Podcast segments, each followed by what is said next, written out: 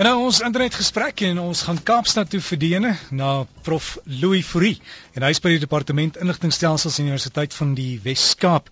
Daarom laasweek ook met jou gesels nee Louis? Ja, nee, lekker gesels. Ja, ons het gesels mos oor daai wat jy verniet op die internet kan leer en ek sien ek het baie navrae gehad en jy ook. Maar vandag ja. vandag raak iets anders aan Google. Is dit neusie verby met Google? ja, dit klink na uh, jy weet dit klink na 'n uitdagende vraag. weet jy ehm uh, uh, Derek uh, Business Insider, uh, een van die bekende tydskrifte het uh, verlede week aangekondig dat die Google era dalk verby is. En natuurlik moet ek sommer in die begin sê ek dink dis 'n baie oningeligte stelling, maar goed en wel, hulle het dit die wêreld ingestuur en en ek wil amper sê die Twitter sweer het het verskriklik te kere gegaan oor dit. En die rede vir hierdie dramatiese stelling is dat soektogte vanaf uh, persoonlike rekenaars of kom ons sê tafelrekenaars verlede week vir die eerste keer in baie baie jare gedaal het. En toe het som, sommige mense sommer se muur gesê, maar dis die einde van die Google era want hier het dit dit het altyd net meer en meer geword en nou skielik daal dit. En verskeie mense het dan ook begine waarsku en gesê, "Ooh, Google gaan groot ontwrigting ervaar en daar's groot mededinging op die mark." En dan verwys hulle nou na 'n uh, Apple se stem aangedrewe assistent die Siri uh, wat nou ook al bekendheid verwerf het uh, veral van die 4S af. Uh, en dan ook Facebook wat nou al hoe meer soek tog ambisies het, maar nou moet ons daarom ook maar versigtig wees. Uh, ek dink nie uh, Siri is al so kragtig nie en ek dink ook nie Facebook het nog naby uh, die soektogte uitgekom wat hulle graag eendag wil doen nie, maar goed. En jy meen die stelling is dan heeltemal te drasties en dan as jy sou sê watter rigting gaan Google dan inslaan? Weet jy, ek dink eh, ek dink inderdaad jy's reg uh, dat dit drasties drasties is. Die die Google era is beslis nie verby nie, maar wat gebeur is is uh, hulle is be, dis besig om van vorm te verander. Kyk, uh, dit is so, soektogte op tafelrekenaars is aan die afneem dit uh, nou en dit is duidelik en ek dink is 'n tendens wat gaan voortduur. Maar nou as jy nou gaan kyk, dan het soektogte op slimfone en op tabletrekenaars dramaties toegeneem. Dit beslaan uh op die oomblik amper 'n derde van alle soekverkeer uh op die internet en ek dink dis dit is vir my dramaties. En Google het nie geslaap nie. Hulle het hierdie verskywing lankal sien kom en uh hulle het al hoe meer op die mobiele mark begin fokus en hulle het al hoe meer hulle soek engine uh aangepas uh, vir slimfone en tabletrekenaars. En nou jy vra nou wat is wat is die rigting wat hulle deesdae insaan? Dan wil ek vir jou sê ehm um, die probleem uh met enige soek engine is natuurlik dit kan net vra vra of beantwoord wat uh, wat ek en jy daaraan vra. Dit is die dis die probleem. En maar daar's baie vrae wat ons nooit vir Google vra nie want ons dink nie 'n soek engine is enigsins in staat om dit te beantwoord nie. En kom ek vat as neem as 'n voorbeeld Waar is die optrede byvoorbeeld van Nathaniel in die Kaap op 'n mooi weersaand vir minder as 4 R100. So ek maak 'n saamgestelde vraag. Ek wil 'n optrede van 'n kunstenaar hê. Ek wil dit in die Kaap hê. Ek wil dit dit moet dit moet 'n weers inligting bevat, mooi weer aand en dit moet 'n sekere prys minder as 'n sekere prys kos. Of ek kan sê, waar kry ek 'n Sweedse massering binne 10 km wat nie meer as R300 sal kos nie? Of watter kleur moet ek my huis verf? Nou dit is nou die tipiese vraag waarop Google fokus.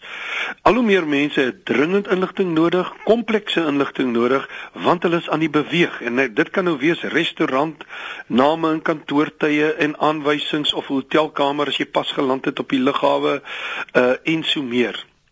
En onthou nou net die slimfoon, uh, Derek weet waar ek is. Ja, ek kan net die weer is. En ek dink die idee is dat ons makliker inligting vind wat beantwoord aan 'n meerderheid van kriteria en 'n intelligente integrering van van hierdie inligting. Hm, gebruik hulle GPS of gebruik hulle die die naaste toring waar jy Hulle kan het? jy kan albei gebruik. Hy uh op meeste selfone kan jy dit aanskakel en dan uh, GPS het eintlik die probleem hy gebruik verskriklik baie battery. So baie keer gebruik mense net uh, die wat hy meen met behulp van die torings, die driehoeksmeting dan bepaal en dis redelik akkuraat. Maar as jy nou baie goed uh dit wil bepaal dan is die GPS van belang en hy gebruik jou kompas en hy gebruik allerlei tipe van dinge om vir jou toepaslike inligting te gee op, op grond van waar jy is en wat jy doen. Maar nou die wonderlike ding is uh, as ons uh, ek 'n bietjie kan vertel nou nou van uh, wat uh, waartoe gaan Google dan dan gaan dit daaroor dat hulle ook jou bewegings leer ken en jou en nie net jou bewegings leer ken nie, maar ook van wat jou belangstellings is. Maar ek sien hulle het klomp aanpassings gemaak en jy het ook hier genoem van die kennisgrafiek. Ja, dis 'n interessante ding. Hy weet wat en ek dink hy het aan meeste van ons verbygegaan sonder dat ons agtergekom het dat Google het in my maand 'n kennisgrafiek bekend gestel. Nou dit, kom ek sê dit is 'n ambisieuse poging van Google om 'n database van alles in die wêreld te skep. Nou ek dink dis baie ambisieus. Maar goed, hulle kry dit in 'n manier reg. En dit is baie interessant. Tik jy nou deesdae 'n naam in 'n baie bekende naam soos byvoorbeeld uh, Nelson Mandela dan sal jy sien en baie mense het nie agtergekom nie aan die regterkant maak daar 'n spesiale feitevenster oop. En dan kom jy nou uh, agter dat Mandela het drie vrouens in sy lewe gehad. En jy kom sy kwalifikasies agter, sy geboortedatum, die films wat gemaak is oor sy lewe, boeke wat geskryf is, kinders, al die kinders se name wat hy het en jy kan nou weer daarop klik. En hierdie grafiek trek dan nou die inligting en dis nou wat die verskil is.